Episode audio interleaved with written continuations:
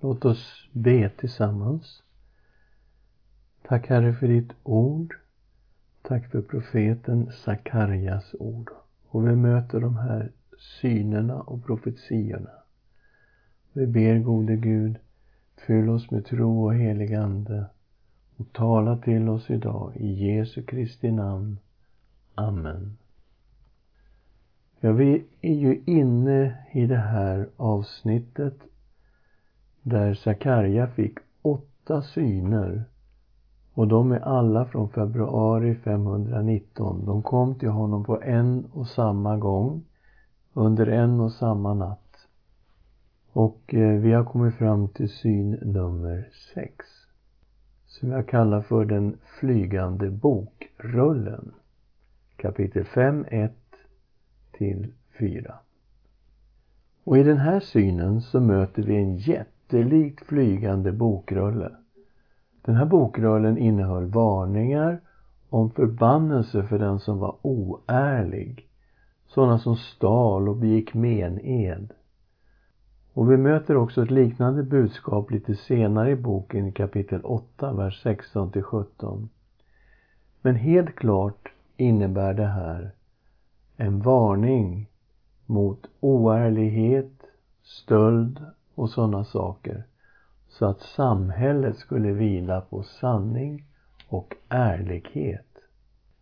Och nästa syn, nummer sju, som vi har kallat för kvinnan i korgen, kapitel 5, vers 5 till 11. Sakarja såg en sädeskorg med ett tungt blylock. I korgen fanns en kvinna som kallades Ondskan. Locket stängdes och två bevingade kvinnor flög iväg med ondskan till något som kallas för Shinars land och det var ett annat namn för Babel. Så synen måste handla om att Herren befriade judar från denna ondska som istället då drabbade Babel. Och den sista synen, den har vi kallat för de fyra vagnarna, kapitel 6, vers 1 till 8. Sakarja såg en syn med fyra vagnar bakom olikfärgade hästar. Vagnarna befann sig mellan två berg av koppar. De här fyra ekipagen de symboliserade de fyra vindarna och då förstår vi att det är syd, nord, öst och väst. De begav sig av mot syd och så begav några av sig mot nord och så över jorden. Söderut, ja där fanns Egypten. Och från norr kom förr väldigt mäktiga fiender över Israel och Juda som Assyrien och Babel. Och nu var de under Persien. Och synen verkade säga att Gud höll koll på alla fiender till folket. Och det var slutet av de åtta synerna. Och i slutet av kapitel 6 så möter vi en märklig profetia. Den har vi kallat för översteprästen Josuas kröning, kapitel 6, vers 9 till 15. Och varför är den så märklig? Jo, under hela Israels historia så fick inga kungar vara överstepräster och vice versa. Men här möter vi märkligt nog en kröning av översteprästen Josua. Sakarja blev tillsagd att ta emot silver och guld av några återvändare till landet och av det här skulle han göra en kungakrona. Ja, det står i plural kronor, men man tänker sig en väldigt speciell krona med många delar, en fin kungakrona. Och sen skulle han placera den här kronan på Josuas huvud och så skulle han säga Så säger Herren Sebaot Se en man vars namn är Telningen. Under honom ska det gro och han ska bygga Herrens tempel. Ja, han ska bygga Herrens tempel. Han ska vinna härlighet och sitta på sin tron och regera. En präst ska han vara på sin tron och frid ska råda mellan båda. Det här är kapitel 6, vers 12 och 13. Friden skulle alltså råda mellan överste präst och kung. Och till synes skulle det här vara förenat i en och samma person.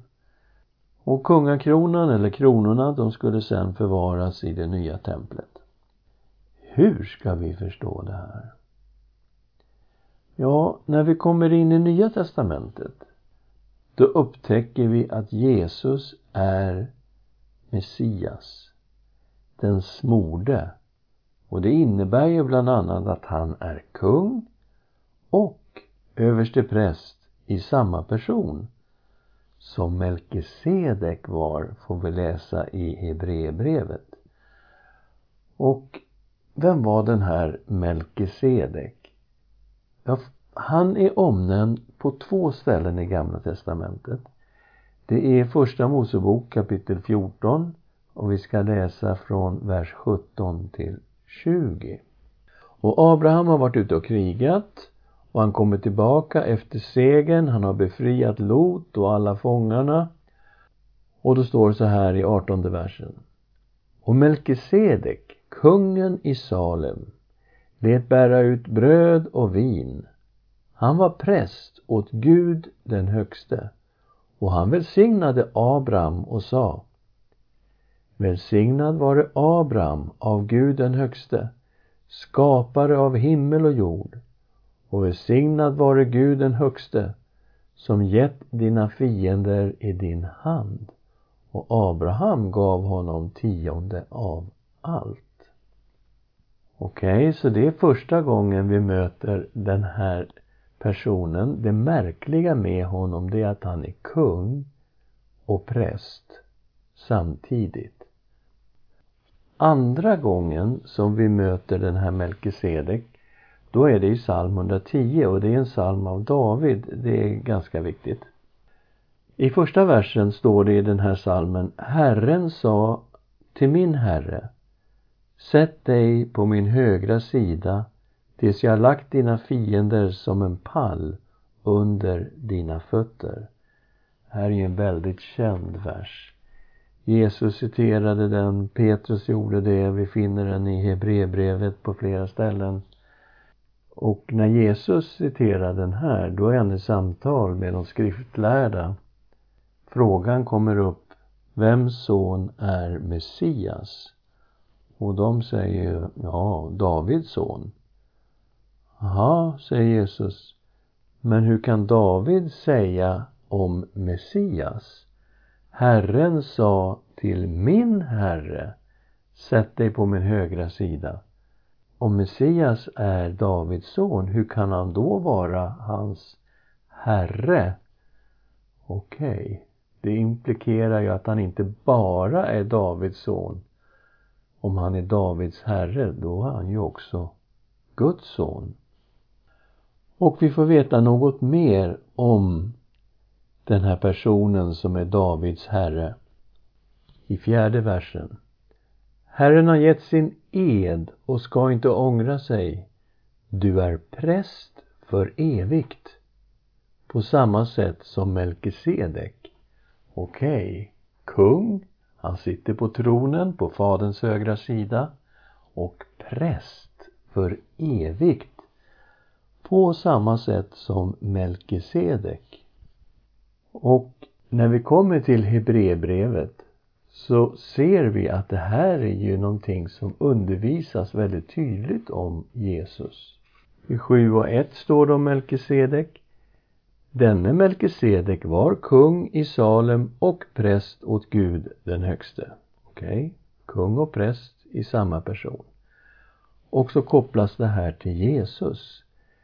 Vi är sjätte kapitlet, vi läser från vers 18 till 20 så skulle vi genom två orubbliga uttalanden, vilka två orubbliga uttalanden är det här? Ja, det är de här två ställena som vi just har läst, där det står om Melkisedek på två ställen. Där Gud omöjligt kan ljuga. Vi skulle få en kraftig uppmuntran. Vi som har sökt vår tillflykt i att hålla fast vid det hopp vi har framför oss. Detta hopp har vi som ett tryggt och säkert själens ankare som når innanför förhänget. Dit gick Jesus in och öppnade vägen för oss när han blev överstepräst för evigt på samma sätt som Melkisedek. Okej, okay, det är flera saker här. Själens ankare. Livet kan vara ganska besvärligt och det är som vi sitter i en båt och det är ett stormigt hav. Men det finns ett ankare som gör att vi sitter fast. Och det här ankaret når innanför förhänget. Alltså in i det allra heligaste. Inte på jorden, men faktiskt i himlen. Dit Jesus gick in och öppnade vägen för oss. Okej, okay, vi får gå in inför Guds ansikte genom Jesus och tillbe Gud. Och vi har ett ankare som sitter fast där. Dit gick Jesus in och öppnade vägen för oss när han blev överstepräst för evigt på samma sätt som Melkisedek. Och vi kan läsa i 7 och 17. Han, alltså Jesus, får nämligen vittnesbördet du är präst för evigt på samma sätt som Melkisedek. Och vi kan läsa lite mer om vad Jesus är som överstepräst i kapitel 7, vers 24 i Hebreerbrevet. Men Jesus lever för evigt och därför har han ett prästämbete som är evigt. Därför kan han också helt och fullt frälsa dem som kommer till Gud genom honom eftersom han alltid lever för att be för dem. Fantastiskt. Jesus nämner oss inför Fadern hela tiden. Han lever alltid för att be för dem. Och vilka är de då? Det är alla de som genom honom kommer till Gud. Vers 26. Det var en sån överstepräst vi behövde. En som är helig, oskyldig, obefläckad, skild från syndare och upphöjd över himlarna. Han måste inte bära fram offer varje dag som de andra översteprästerna Först för sina egna synder och sedan för folkets. Det gjorde han en gång för alla när han offrade sig själv. Kapitel 8, vers 1. Här är huvudpunkten i det vi säger. Vi har en sådan överste präst som sitter på högra sidan om majestätets tron i himlen. Okej, okay. han är kung och han är präst i samma person. Nu stod hon telningen här också. Se en man vars namn är telningen, under honom ska det gro. Ja, telningen såg vi förra gången handlade om Messias. Det är ju från den här profetian i Jesaja kapitel 11, vers 1 till 10. Där det står om telningen, han som är Davids son som skapar ett rike som liknar själva paradiset. Men det står också om honom att han är uppbyggaren av Guds hus. Ja, han ska bygga Herrens tempel, står det. Är Jesus uppbyggaren av Guds hus? Ja, låt oss titta på ett par verser. Vi ska gå till Petrus bekännelse av Jesus, Matteus 16, vers 15 till 18. Han sa till dem, alltså Jesus som säger till dem, Och ni, vem säger ni att jag är? Simon Petrus svarade, Du är Messias, den levande Gudens son. Jesus sa till honom, Salig är du Simon, Jonas son, för det är inte kött och blod som har uppenbarat det för dig, utan min far i himlen. Och jag säger dig, du är Petrus, och på denna klippa ska jag bygga min församling, och helvetets portar ska inte få makt över den. Okej, okay, Petrus hade namnet Klippa. Så okej, okay, på denna klippa ska jag bygga min församling. Men vad säger klippan Petrus? Jo, han säger du är Messias, den levande Gudens son.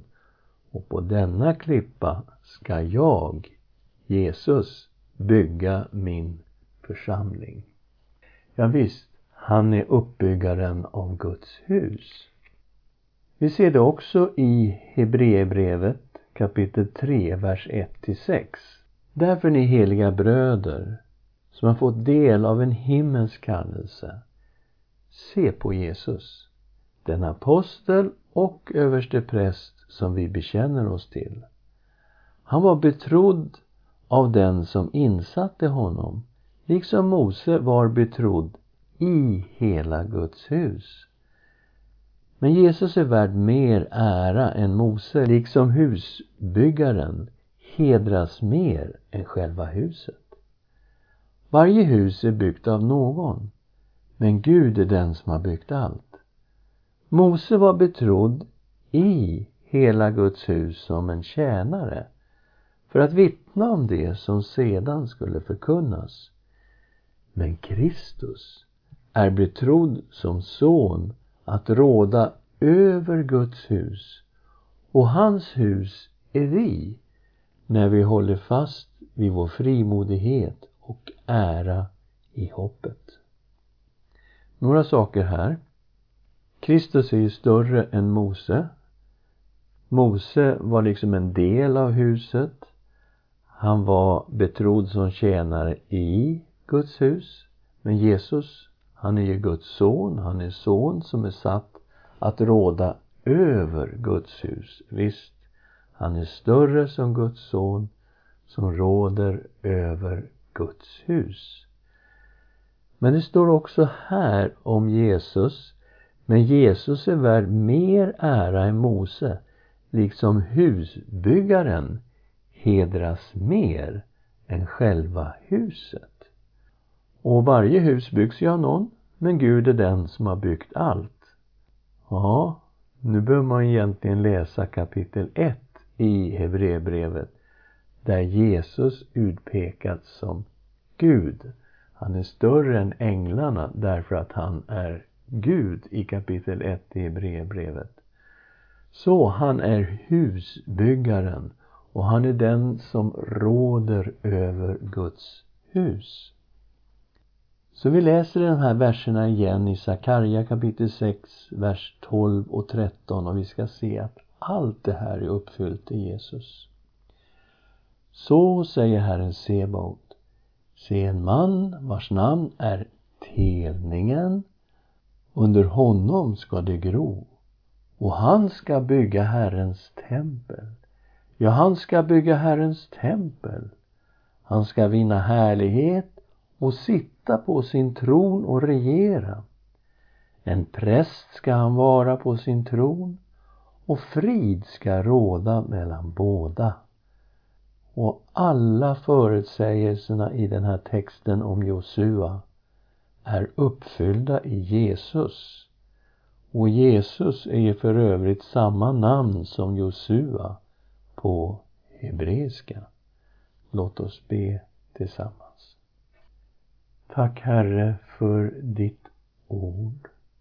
Och vi ser här igen hur de här fantastiska profetiorna som får oss att baxna, hur alla de här är uppfyllda i dig, vår älskade Herre Jesus Kristus. Du är telningen, du är Davids son.